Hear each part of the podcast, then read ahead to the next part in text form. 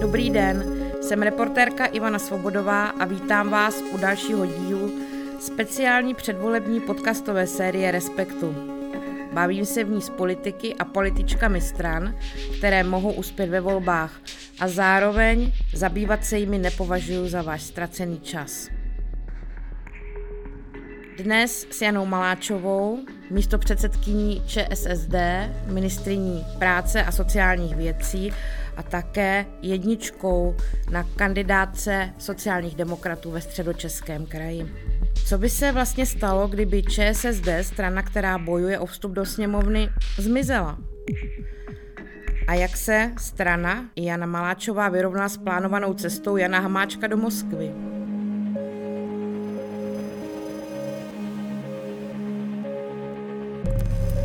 Posledních průzkumů to vypadá, že sociální demokracie by se mohla do sněmovny dostat, ale jednu chvíli jistě se znamenala komentáře, že v těchto volbách skutečně ČSSD hraje o záchranu, že to uh, úplně jisté nebylo.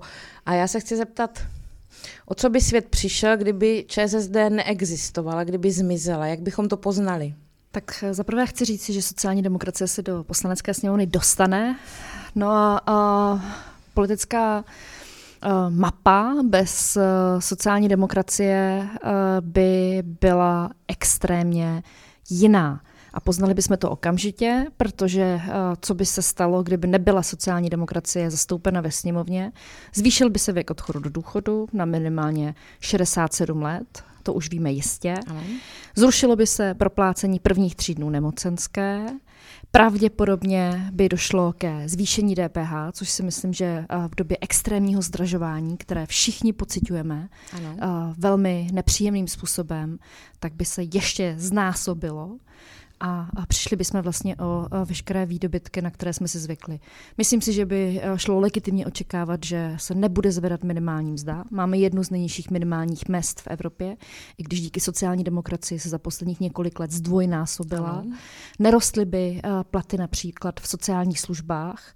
Víte, že profese, které jsou spojené s péčí, tak v České republice jsou bohužel špatně oceňovány.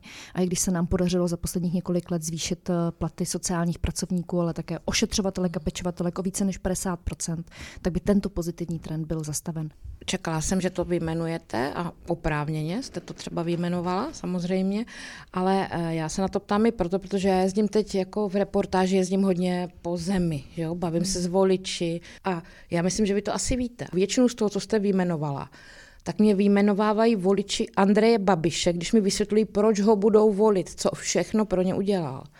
To vám asi neříkám žádný překvapení, protože tohle on umí. Rozdávat peníze Andrej Babiš umí. Ti lidé to berou jako jeho zásluhu. Tak já bych eh, neřekla, že eh, když se zvyšuje životní úroveň lidí, že to je rozdávání peněz. Mm-hmm. To je neoliberální diskurs. Eh, na západě se tomu říká investice do lidí mm-hmm. a investice do toho, aby když někdo poctivě pracuje, pečuje o své blízké, mm-hmm. tak aby měl slušný život. To je konec konců důvod, proč vznikla sociální ano. demokracie. A to, že to zase připisují lidé Andrejovi Babišovi, tak to bude asi vlastně odvislé nebo uh, souviset s tím, že my nevlastníme média, my nevlastníme uh, vydavatelství, my nevlastníme rozhlasové stanice, prostě nemáme tolik peněz do PR a marketingu, ale reálně jsme tu práci odvedli my. A myslím si, že uh, ty výroky čelních představitelů hnutí ANO z posledních měsíců dokazují, že to je zásluha sociální demokracie. A já se o tom vlastně ani nebudu hádat, protože to je prostě fakt a je to takto pravda. Oni to neříkají teda jenom uh, ti voliči Andreje uh, Babiše, on to říká i sám, že on prostě lidem jezdí po zemi a vykládá, jak jim zvýšil životní úroveň. Čili vy jste přesvědčena o tom, že kdyby sociální demokracie v té vládě nebyla, tak lidé nemají vyšší důchody, nezačnou se proplácet ty první tři dny nemocenské a tak dále? No, nebyla by vyšší rodičovská, nebyl by vyšší příspěvek na péči pro všechny uh, těžce postižené. Tohle všechno by nebylo, protože uh, to byly tvrdé boje uh, v rámci vlády a pak také v rámci poslanecké sněmovny, než se nám to podařilo prosadit. Poslední době jste, vy jste velmi viditelná z té sociální demokracie. Skutečně bych řekla, že jste nejviditelnější ze sociálních demokratů a demokratek. Velmi mě překvapilo, že svého jakoby nejsilnějšího hráče v té kampani uh, nasadila sociální demokracie ve středočeském kraji, kde sociální demokracie nemývá úplně úspěchy. Nemáte z toho obavu? To jste sama na to přistoupila? Nebo rozumíte, vám se může stát, že třeba, že ten úspěch nebudete mít takový, jaký byste mohla mít někde v nějakém sociálně slabším kraji, řekněme? Já si uh, to velmi dobře uvědomuji, že to budu mít v Praze velmi těžké. Uh, je mi to jasné a souhlasila jsem s tím, ale ta úvaha, která zatím stojí, je, že pokud eh, nebudeme mít dobrý výsledek v Praze, tak to budou mít celorepublikově velmi těžké. A víte, že v těch komunálních volbách ten výsledek byl mizerný, hmm. bohužel, a pokud by se to zopakovalo, tak, eh, tak eh, to bude skutečně, tak to může dopadnout tragicky. Vy jste hodně zaujala s tématem levné práce, což je strašně důležitý téma. A souvisí to samozřejmě s tou eh, medializovanou vaší návštěvou s, s dvojkou na kandidátce Matějem Stropnickým v těch továrnách, kam šli kontroloři práce. To je opravdu velmi důležitá věc. A já se chci zeptat, proč jste se s ní promiňte, probudili takhle těsně před volbama. Jako, jak se ubránit pocitu, že jste takhle vyrukovali s tímhletím tématem, takhle docela z ostra, těsně před tím, než se budete ocházet do hlasy voličů, když jste v té vládě čtyři roky? Uh, budu s váma polemizovat, nebylo to těsně před volbama. Uh, za prvé ve vládě jsme tři roky, pak uh, více než polovičku toho období nás zaměstnával covid. Nedokážu si představit, že bychom chodili na kontroly do, do továren během covidu. To by mm. nešlo hygienicky a bylo by to taky pravděpodobně likvidační pro ty firmy. Takže to jsou ty dva, dva hlavní faktory. A pak taky s váma nesouhlasím, že jsem to začala řešit těsně před volbama. My jeden z těch důvodů, proč jsme šli do vlády, tak bylo zrušení karenční doby a nedokážu si představit, jak bychom pandemii bez proplácení prvních tří dnů nemocenské zvládli.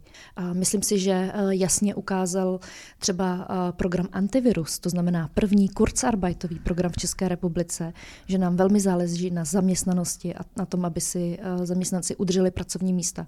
A ten antivirus skutečně hodně pomohl a myslím, že i ti zaměstnavatelé si ho chválí. Budete v těch návštěvách s kontrolory v továrnách a v provozech pokračovat ještě? Budu určitě. Eh, já to říkám od začátku, je to důležitá agenda a budeme v tom pokračovat.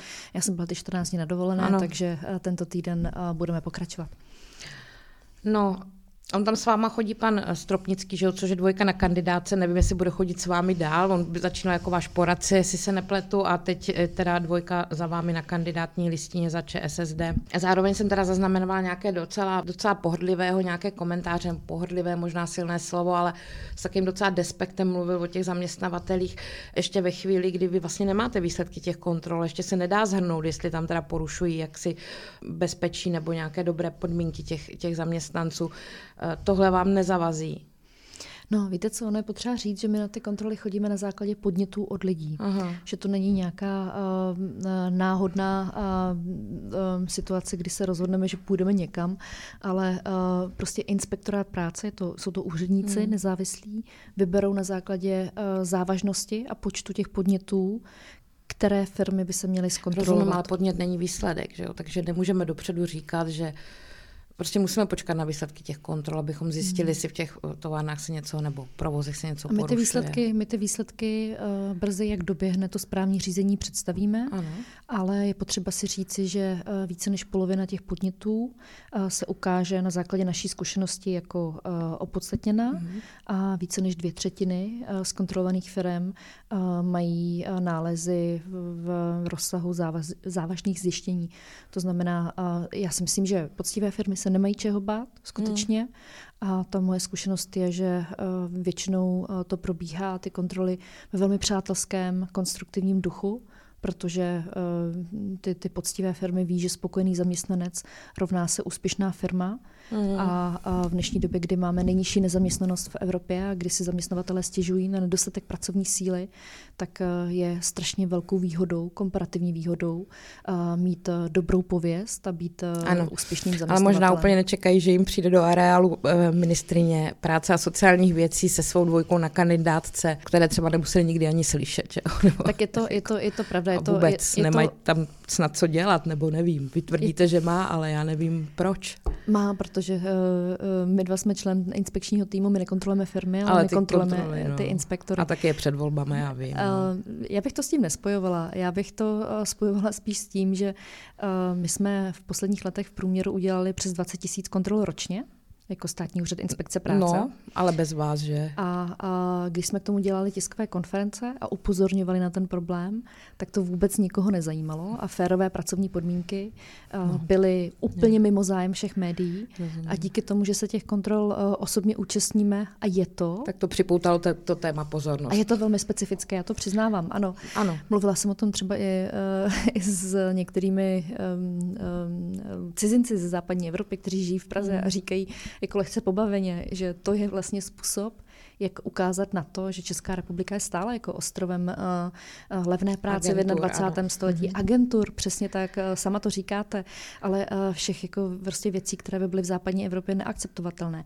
A jak, jak, říkám, a jak říkám, já jsem to zkoušela. A jak to, a to je možné, že po tolika letech vaší vlády je pořád Česko takovýmto ostrovem. No právě, teď jsem se k tomu chtěla dostat, Aha. že to je, uh, pojďte se, já jsem to zkoušela tou uh, standardní legislativní cestou, kde mi třeba ty dva přílepky uh, k té uh, izolačce, a já přiznávám, že to byly hmm. přílepky, neprošly o jeden hlas, neprošly o jeden hlas a tři, tak je potřeba si říci, že Piráti hlasovali jinak než uh, Takže, uh, v, uh, na začátku a pak tři hlasy hnutí ano.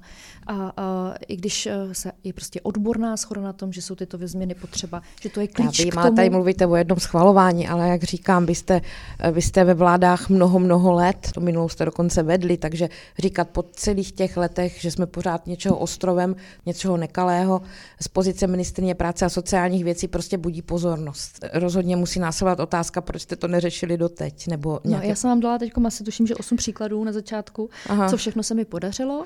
Ano. A, a říkám vám, že jsem legislativně prosadila věci, které jsou zásadní pro mhm. změnu postavení zaměstnanců, prošly ve sněmovně, Senát to vrátil a pak překvapivě lidé, kteří proto na začátku hlasovali, no. změnili svůj názor. A, a jsme u toho jedno hlasování, já vím. A, zase, a najednou, ono jsou to dvě hlasování, popravdě mm. řečeno, byly to přesně dva zákony, které měly úplně ten samý průběh. Eh, jeden, jedna ta změna například, co se týká potírání nelegálního zaměstnávání, což mm. je taky obrovský problém v České republice, tak tam byla úplně, stejná, úplně stejný scénář. Prošlo to ve sněmovně velkou většinou, neprošlo to v Senátu neprošlo. a pak, a pak se to změnilo. A samozřejmě je legitimní otázka z vaší strany, proč sociální demokracie to ne, nezměnila. No. Nicméně my jsme v parlamentní demokracii, máme 14 poslanců. Když chcete prosadit zákon, tak potřebujete 101 a pokud ty ostatní strany jsou pod vlivem uh, nebo tlakem toho velkého biznesu, tak se můžete postavit na hlavu a dělat maximum možného ze své perspektivy, no. ale stejně se vám to nepodaří. Poslední věc jenom k tomu Matěji Stropnickému, jenom on vlastně sociální demokracií nemá co společného. Eh, byl ve straně zelených, kterou, musím říct, jsem pamětník, ničil. A myslím, že předsedové té, té strany, ať už si vzpomeneme na jakéhokoliv, byli s jeho působení opravdu uh, hluboce nešťastní.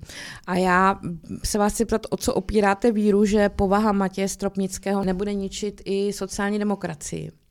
Já myslím, že tohle už je otázka, která jako přechází do nějaké osobní roviny no. a vůbec sem nepatří. Um, já s, prostě um, jsem přesvědčená o tom, že um, Matěj Stropnický je člověk, který bojuje za obyčejné lidi. Mm-hmm. Um, já uh, jsem uh, na tom uh, jakoby uh, stavila ty poslední tři roky své působení, že um, se snažím prostě uh, bojovat za lidi, o které se normálně nikdo nezajímá, kromě voleb. Uh, dostávám za to spoustu nenávisti. Um, věřím mu a tak, jak jsem ho poznala, tak uh, že to myslí úplně stejně. Jenom jestli to nepůsobí trošku zoufalecky, že si sociální demokracie na druhé místo musí vypůjčit člověka úplně odjinut nebo půjčit, přivést. Jak když spadne z nebe, víte? A myslím, že, myslím, že konec konců pražská sociální demokracie tam to způsobilo nějaký rozbor, protože to viděli podobně, ale to už je vnitřní věc té strany, ale je, je, zaznamenala jsem, že to vypadá trošku, že už nevíte, co by. Tak mi to přijde trošku pokrytecké, ten váš dotaz, protože normálně jsou politické strany chválené za to, že mají mhm. nezávislé osobnosti na svých kandidátkách. Dvojka. Je to, je to no, normálně, normálně uh, dostávají politické strany potlech za to, že si dávají jako lídry uh, nezávislé osobnosti. Uh, váš sjezd sociální demokracie poslední, který vlastně potvrdil vašeho předsedu Hamáčka v čele strany, udělal takovou prozatímní tečku v hledání sociální demokracie že se bude soustředit na ty tradiční voliče, řekněme, takový to rozkročení k těm liberálům, konec konců, čehož vy jste měla být představitelem, nebo snad i jste, jako by mělo končit. Berete to tak a v zápěti musím říct, že se teda pan Hamáček objevil někde v TV šláger a začala ta retorika, což nic proti tomu, ale potvrzuje se, že ta retorika jde spíše k těm starším občanům, k těm tradičnějším. Je to tak? Pojďte se, uh, uh, nevím, jak uh, jste přišla na to, že já bych měla být představitelem uh, nějakého liberálního proudu v sociální demokracii. Já jsem mladý člověk, to je pravda. Ano. Mě je 40, stala jsem se, tuším, že nejmladší ministriní práce uh, a sociálních věcí. Já si myslím, že sociální demokracie uh, nebude úspěšná, pokud nebude řešit uh, uh, to, kvůli čemu vznikla to znamená existenciální otázky lidí. Já se bráním jakémukoliv nálepkování ano. liberální, konzervativní, prostě existenciální otázky. Mně se často lidé ptají, jaký mám názor na manželství pro všechny. Ano. Já jsem pro manželství pro všechny. To je pro mě naprostá jako samozřejmá věc. My jsme v roce 2006 sociální demokracie prosadili registrované partnerství a po 15 letech je prostě na čase, aby všichni lidé bez ohledu na sexuální mohli orientaci mít snětek, mohli mít snětek. Ale není to hlavní téma sociální demokracie. Není to hlavní téma. Uh, my máme řešit existenciální, materiální věci a pak uh, ty takzvané uh, hodnotové. Protože když lidi uh, jsou prostě vyřízení z práce, uh, nemají peníze, tak nemají čas se politicky angažovat a rozvíjet naší demokracii. To je prostě moje přesvědčení. Já jsem včera byla um, na Hlinsku ve fabrice, v bývalé fabrice ETA, kdy lidé, kteří velmi těžce pracují, pracují za minimální mzdu, teď jim hrozí výpověď, jsou po padesátce, mají zhuntované zdraví, ještě mají strašný strach z toho, že se jim zvýší věk odchodu do důchodu a prostě eh, celá republika diskutuje, prostě omlouvám se, ale většinově o totálních nesmyslech. Ty lidé prostě neví, eh, jako jak prostě uh, si zajistit základní fungování, neví prostě, jak zaplatit od září jako svým dětem obědy. A my řešíme prostě uh, naprosté podřenosti. Uh, já nevím, kolik lidí má sedět u stolu uh, ve venkovních prostorech a podobně. A zaujímá to prostě uh, přední stránky novin. Pokud nebudeme řešit existenční otázky, tak se česká společnost bude fašizovat, bude, ano. bude narůstat extremismus a ty lidé nebudou mít víru v demokratický vývoj.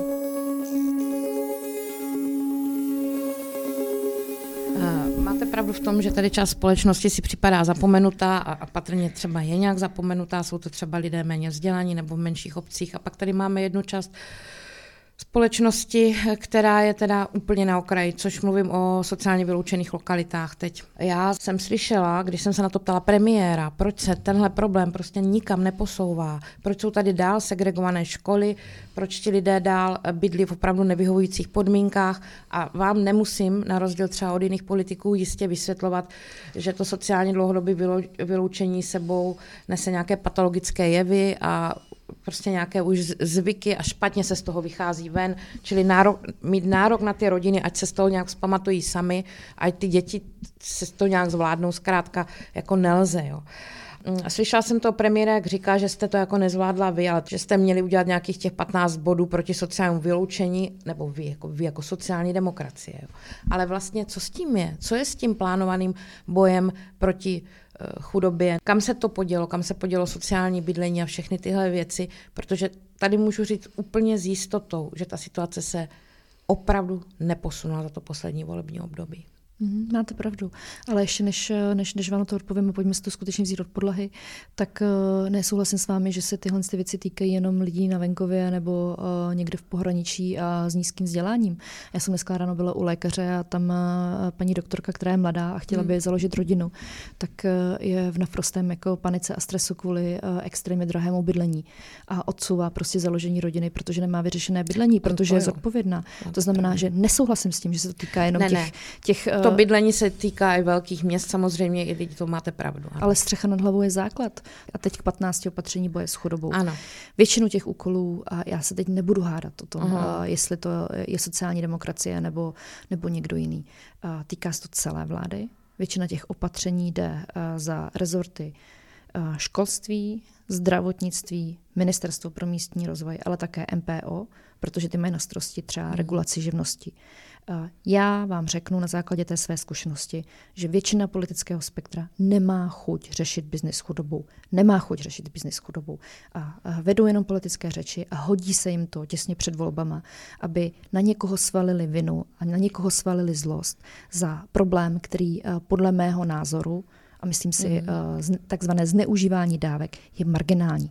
Týká se to, takzvané zneužívání dávek se týká 0,3% HDP. Eh, já jsem si před rokem a půl, když jsem přišla s komplexním řešením, mm. tak mhm. jsem si užila svého a musím vám říci, že uh, doteďka jsem vlastně z toho rozpačitá, protože jsem se snažila ten problém řešit tak, jak podle mého nejlepšího vědomí a svědomí by mhm. řešit měl, měl být. A je řešen v západní, a nepodařilo a v západní. Evropě, kde prostě uh, byli na rozdíl od nás úspěšní. A pokud k tomu nepřistoupíme metodou cukru a byče, a vím, že to prostě strašně moc lidí provokuje, tady ten mhm. výraz, můžu to říct nějak jinak. Podle mě ten cukr má být uh, intenzivní sociální práce, ano. ale ta je drahá ano. a měla by být uh, velmi intenzivní z pohledu obcí, nikoli pouze jenom z pohledu neziskového sektoru. Mm-hmm. A na druhé straně musí být eh, ten byč, a to, to, to je to fakt blbé slovo, jo, mm-hmm, ale, ale na druhou stranu se to jako lehce říká, jako, že je to výstižnější, tak to má být tlak na to, aby lidé, kteří jsou v problémech, uh, chtěli své problémy řešit. Protože pokud nebudou chtít svoje problémy řešit, tak se nepohneme. Hmm. Pokud tady nebude skupina politiků, kteří k tomu přistoupí rozumně a řeknou, není to černobílé. Jako ti lidé nejsou ani oběti, ani viníci, ale velmi často je to někde mezi a, a to řešení a, nebude jednoduché, nebude rychlé no. a bude velmi a kde drahé. je ta skupina politiků? Kde není je? V téhle, já, já v tomhle... V téhle ale ani v sociální demokracii není. Uh, myslím si, že v sociální demokracii je, uh, um, ale nevidím ji třeba ve sněmovně, tu skupinu. Uh-huh. Uh, já tam prostě vidím v tuhle chvíli dva tábory tu naprostou většinu, víc než ústavní, která říká represe, represe, ano. represe a slibuje voličům něco, co se nikdy nesplní, protože ta represe nebude fungovat. Uh-huh. A pak je skupina, která říká, uh, musíme být jenom hodní a musíme uh, uh, jako uh, vlastně jim pomáhat. Tak. Takže, takže vám řeknu, že v tuto chvíli uh, výchozí uh-huh. situaci uh, z toho problému nevidím. Skutečně, já, kdybych měla většinu v poslanecké sněmovně, no. tak bych lidem řekla, uh, bude to stát spoustu času, bude to stát spoustu peněz, uh-huh budou tam i nepříjemná rozhodnutí. Není to o tom, že ty lidé jsou jenom no. oběti. A, a pojďme do toho nalíst evropské prostředky hmm. a pojďme to vyřešit, ale ve shodě se samozprávou a všemi ostatními no. rezorty. A nebude to jenom na Ministerstvu práce a sociálních Rozumím. věcí, protože velká část těch problémů je někde jinde. A jak takhle jezdím po té zemi, tak jsem už viděla opravdu hodně sociálních demokratů. Například v Rotavě pan starosta, toho jste dokonce postavili do krajských voleb jako jedničku tam. A tam ty školy dokonce ani nevyužily té možnosti dávat dětem ty obědy zdarma, aniž je to stojí a tu obec stojí jednu jedinou korunu, protože tady bojují s Romy a nebudou jim pomáhat. A to vám asi nemůžu vyčíst, ale chci se vás zeptat, co vlastně víte o té sociální demokracii, jaká ona vlastně je. Je tam víc lidí jako vy, nebo je tam víc starostů Rotavy, kteří nechtějí dávat dětem najíst, přestože mohou? Já si myslím, že tady ta kolektivní uh, odpovědnost uh, nebo obvinování jednoho sociálního demokrata za, uh, za chyby všech ostatních sociálních demokratů jako k ničemu nevede. Uh, za mě mluví moje práce a uh, pokud uh, hmm pokud budu neustále poslouchat, že protože nejste všichni perfektní, tak stojíte za huby, tak se nikam, zase nikam nedobereme. Ale kdo jiný než vy má vědět, co je co převažuje v té sociální demokracii, co vlastně, kdybych ji šla volit, volím. Volím Jenu Maláčovou, která umí odborně zvládnout problém, nebo volím mnoho různých v regionech sociálních demokratů, kteří můžou mít ve finále větší sílu než ona a nedají najíst dětem. Vždycky volíte lidi, vždycky volíte lidi, protože úspěšnost politika se odvíjí od preferenčních hlasů a jeho konkrétního volebního výsledku. To tak je v našem hmm. politickém systému. A, a co se týká vaší otázky, kdo, kdo jsou sociální demokraté. A nebudu to říkat, protože je před volbami. Já, já to, s proměnitím mám na to kašlu. Mm. A, a, já si prostě myslím a vstupovala jsem do sociální demokracie, protože to je strana, která udělala spoustu chyb. Ale mm. za posledních 140 let, za všechno, co my považujeme za výdobytek západní civilizace, mm. tak zařídila a zajistila sociální demokracie.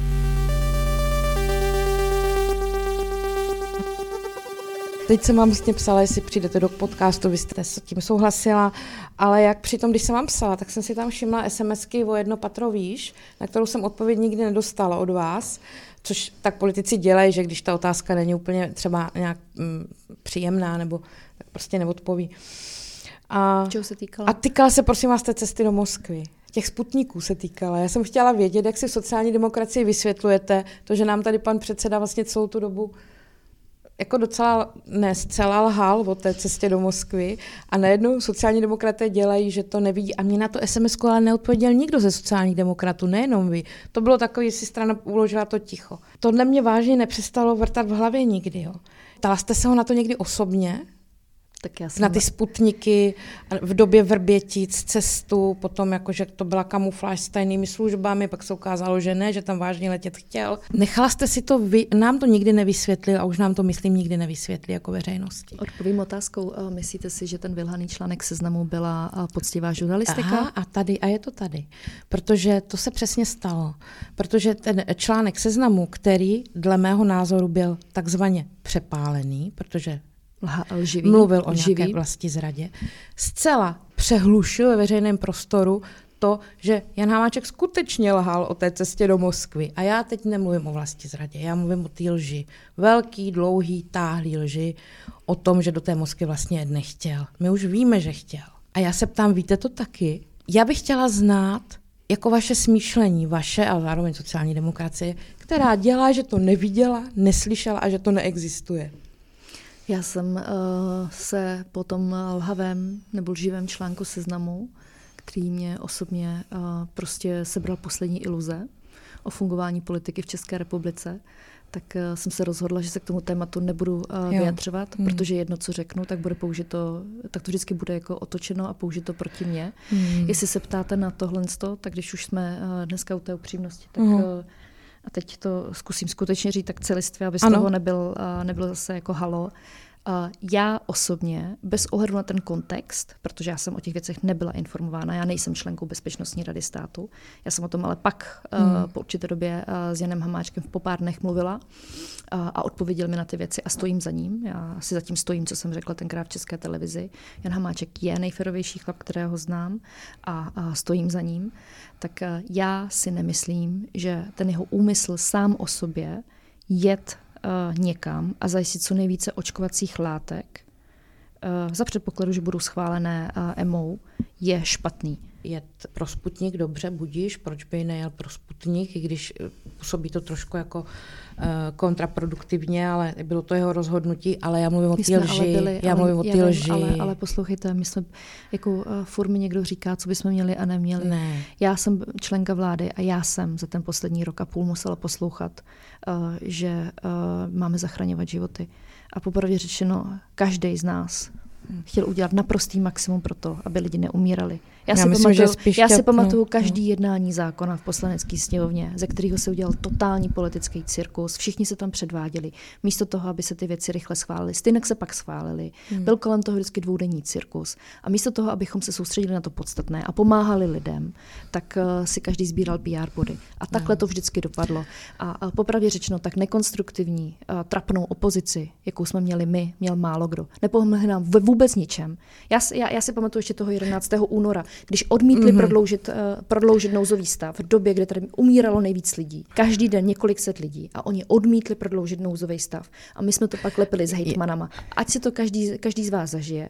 Kdy pak uh, dostáváte Ale dopisy, jak tohle, prosím vás, souvisí s tím? Kdy pak dostáváte dopisy od lidí, kdy pak dostáváte uh, dopisy od lidí, kdo vám umřel a jestli tomu skutečně nešlo zabránit. Jako chápu, a, že toho na vás bylo moc, rozumím chtěl, Nebylo tomu. toho moc, jenom bylo vám to prostě náročné. říkám, že když za mě jet do Ruska a uh, kdyby to tak bylo, kdyby to, uh, ne, na, nevidím na tom nic mm. špatné a vím, že se rozčilujete v respektu, že uh, uh, s Ruskem nemáme komunikovat. My se nerozčilujeme, my jenom je teda ku podivu, že bylo... někdo jede po Vrběticích po té, co má znalost o tom, že tady agenti nám vybouchli sklad ve Vrběticích a že se chystá opravdu velký, velký mezinárodní roztržka, řekněme. Taková, jakou jsme ještě nezažili. Tak závažná jsou tady zjištění že v té chvíli si naplánuje, že jede domlouvat Biden-Trump summit do Moskvy a že tam jede pro vakcíny. To je prostě naprosto k nepochopení. A já vlastně neznám nikoho, kdo by to pochopil jinak. Nebo kdo by to nějak to, rozumně pochopil, tak se vás, takže my se nerozčilujeme, ale my pořád čekáme, až nám tam konečně někdo vysvětlí, protože Jan Hamáček to nevysvětlil, byste pak všichni řekli, že už to nebudete komentovat, že to vyšetřuje policie, případně po další otázce jste vždycky řekli, začali mluvit o seznamu, protože to je taková odbočka, seznam lhal, my nebudeme odpovídat. Jo? No ale, ale po, je seznam vážně lhal. A no, tak skutečně kvůli tomu té se vlastně zradě, ale... ale kvůli tomu se vytratila ta podstata. Prostě, a vy to uh... chápete, ale vy jste pochopila, proč chtěl jet Hamáček, jako vy, vy považujete za, za normální jet ve chvíli, kdy vím o Vrbětnicích, jsem minister vnitra a v tu chvíli zahraničí jet do... Já si myslím, že tam nechtěli jet, uh, ale... Vy tomu věříte, že tam nechtěli jet? Já, já, já si myslím, že tam nechtěli jet, ale uh, kdyby... Ale to je dokázané kdyby... ze šesti stran, že tam chtěli jet. Není to dokázané, ale to je jedno. Ale uh, kdyby, uh, bez, kdyby nebyly Vrbětice, Eh, a šlo záchranu lidských životů, tak by mi přišli, eh, tak, tak, tak, tak bych prostě, tak by, by to přišlo logické. Prosím, neberte to od, o, odděleně. Eh, ještě to dokončí. Kdyby nebyli vrbici, tak je to, řekněme, podivínské pro neschválenou vakcínu. Ne, a zase, ne, my jsme říkali ale jasně, budíš, ale ne, nezlobte se na mě, my bez jsme jasně, bych se s váma o tom ani nebavila. My jsme jasně řekli, že ta podmínka je, že to bude schválené EMO. No, jo, tak no. to prosím z toho nevytrhávejte. Jasně. Takže schválené EMO, samo o sobě každá vakcína dobrá, a v té době jsme byli pod velkým co, tlakem. Já vám něco řeknu, to a myslím si, že tam nechtěli jet. Já jsem myslela, že třeba po té době už jsou to nějak trošku otevřeněji popovídáme. Jak mě řekl jeden sociální demokrat, když se nechcete rozvést, tak předstíráte, že věříte tomu, že ten polonahý chlápek pod postelí je opravdu opravář. Jo, a prostě, že ta situace je taková, že někdy je lepší zavřít oči a tvářit se, že tu lež nevidím, když vím, že by její řešení mě prostě přineslo On to říká smířivě, on, on byl toho názoru. Že by to řešení přineslo asi nějaké rozkoly a nějakou bolest té straně. Ježíš Maria, to mi tady podsouváte, že jsem pokrytec a že si něco nalhávám, ale... No uh... tak trošku si myslím, že buď si něco nalháváte, nebo mě něco nalháváte, protože nelze věřit tomu, že Jan Hamáček se nechystal do Moskvy. Můžu se opakovat, co jsem vám řekla. Při vší úctě já nejsem v pozici, že bych něco cokoliv musela. Jo, Nejsem nemusíte vůbec. vůbec no. uh, nemusím a naopak jsem velmi kritizovaná za svoji velkou upřímnost a myslím si, že uh, nechtěl jet, nemyslel to vážně. Věříte tomu? Uh, na druhou stranu, uh, kdyby tam nebyla ta kauza, tak, uh, tak, uh, to, je, uh, tak uh, to je správná logická úvaha a tím to pro mě hasne. Je to, je to, je to, je to vlastně uh, zvláštní kauza, která uh, nikomu nic uh, nepřinesla. Uh, Ale hodně odnesla. Uh, podle mě hodně poškodila víru v racionalitu české politické scény a akorát nám všem ubrala čas řešit to podstatné. Myslíte, že by sociální demokracie po volbách měla jít zase do vlády s ANO a Andrejem Babišem? Mm, já si v první řadě myslím, že uh, my vůbec uh, nedostaneme tu nabídku jít do vlády jako sociální demokraté, protože hnutí ANO bude chtít jít do vlády s ODS. O tom jsem přesvědčená. Podle toho, jak dopadnou volby a jak budou silní, tak budou chtít udělat tuto jasnou pravicovou vládu. To věřím, že by se to hnutí ANO líbilo, ale nic zatím nenasvědčuje tomu, že by se to líbilo i ODS, pokud nezmění vedení, což se, to samozřejmě stát se může cokoliv, ale myslím, že zatím jde spíše o takové jako spekulace, pokud se mluví o té ODSC. Než... No, bude záviset na uh, uh, počtu jednotlivých mandátů, kolik budou mít ty dvě strany dohromady. No. Bude záviset také uh, na tom, kolik získá třetí subjekt uh, mandátu, jestli to bude KDU ČSL nebo jestli to bude pan uh, Šlachta. Bude to záviset na tom, uh, um, jak dlouho se to celé vyjednávání potáhne. Podle toho podle mě dopadne pak v lednu ondr, kongres ODS. Bude to taky záviset na tom, jestli bude síla schválit rozpočet a jestli od ledna půjdeme do rozpočtového provizoria. Já jsem přesvědčená o tom, že tady vznikne vláda hnutí ANO a ODS. Kdo bude ten třetí? O co uvidíme. to opíráte? Opírám to o výroky čelních představitelů těchto dvou subjektů. Jenom pan Kuba to řekl, hejtman že ani to vlastně neřekl, jo, jenom se to domníváme. Nebo, jo, o soukromé výroky, co jsem já neslyšela? Uh, já jsem se ráda, že teď se pro změnu uh, hájíte ODS. Já nehájím, ptala jste se sám na základě, no, o co to jste se na můj, ptala jste se na můj názor, tak vám říkám. Vy jste řekla, jsem přesvědčena, že Jo, takže mě, mě jde o to, jestli třeba nemáte nějaké zprávy, které nám unikly. Jako, ale dobře, domníváte se to teda jasně, nebo jste přesvědčena. Dobře. Takže ale... nás čeká vláda, která bude škrtat uh, uh, a uh, tupě škrtat, privatizovat. Uh, přijde vláda, která, uh, když si přečtete program uh, ODS, tak uh, tam jsou stovky miliard uh, osekávání uh, zdrojů státu a ty peníze se budou muset někde vzít. Takže a Andrej myslím... Babiš do toho bude přidávat důchodcům a zlepšovat sociální situaci lidí. Jak teď objíždí zemi a slibuje? No tam je ten časový faktor. Já si myslím, že Andrej Babiš bude chtít kandidovat na prezidenta a že um, konstelace, kdy uh, on se bude moci pak vymezovat vůči vlastní vládě, je vlastně pro něho výhodná. Uh-huh. Myslíte, že by do toho šel i ve chvíli, kdyby měl vládu, nebo jenom kdyby skončil v opozici a co dál jiného? No já jsem vám říkala, že to bude záviset na tom, jo. jak dopadnou volby. Já jsem myslela mít, na toho prezidenta. No. Kolik hmm. budou mít uh, které uh, strany mandátu a pak podle toho bude Dobře, a teď ta otázka, kdyby přece jenom vás uh, ano znovu pozval do vlády, myslíte, že byste měli jít? Nebo půjdete? Já osobně uh, budu chtít udělat všechno pro to, aby tady ta vláda uh, ANO a ODS nevznikla, protože uh, já se toho vážně bojím. Uh, uh, smíte se dál. Uh, ne, já jenom, že se vás tam na sociální demokracii ne, pořád řeknu, říkáte Ne, řek, ještě jednou, ještě jednou uh, zopakuji to, můžu to zopakovat i v jiném uh, no. jazyce než češtině. Uh, udělám všechno pro to, aby uh, nevznikla vláda hnutí ANO a ODS. To znamená, že uh, samozřejmě budeme vyjednávat, pokud bude ze strany hnutí ANO zájem, ale nebude to za každou cenu. A velká zkušenost uh, za poslední tři roky mě jako ministrině práce a sociálních věcí je, že klíčové samozřejmě bude programové prohlášení vlády, kde budou jasné priority sociální demokracie. Spravedlivá důchodová reforma, zkrácení pracovní doby, razantní růst minimální mzdy a tyhle věci. To znamená ano, ale ne za každou cenu. Velké ano. riziko vidím v ODS, mám z toho obrovský strach. Myslím si, že člověk, který má dobrý příjem, dobré vzdělání a žije v Praze, tak to tak nevnímá, ale já jsem sociální jo. demokratka a já z toho mám velkou obavu. Rozumím, čili jak jste minule vlastně vstoupili do vlády a s tím, že zachránujete zemi před SPD a musím říct, že to tak částečně vlastně bylo, protože jinak by ta vláda e, z SPD tady vznikla, tak teď byste šli s Babišem ve chvíli, kdybyste zachraňovali zemi před pravicovou vládou, chápu to dobře. Ale i taky eh, před ODS, ale možná taky přes SPD, protože to bude taky velmi silná po těchto volbách. To je potřeba eh, dodat, že eh, kromě ODS pro nás nepřichází v úvahu podílet se na jakémkoliv vládním projektu s, s, SPD. s SPD. Děkuji vám za rozhovor. Já také děkuji. Naschledanou. To byla Jana Maláčová, místo předsedkyně sociální demokracie. Od mikrofonu se loučí Ivana Svobodová. Těším se na příště. thank you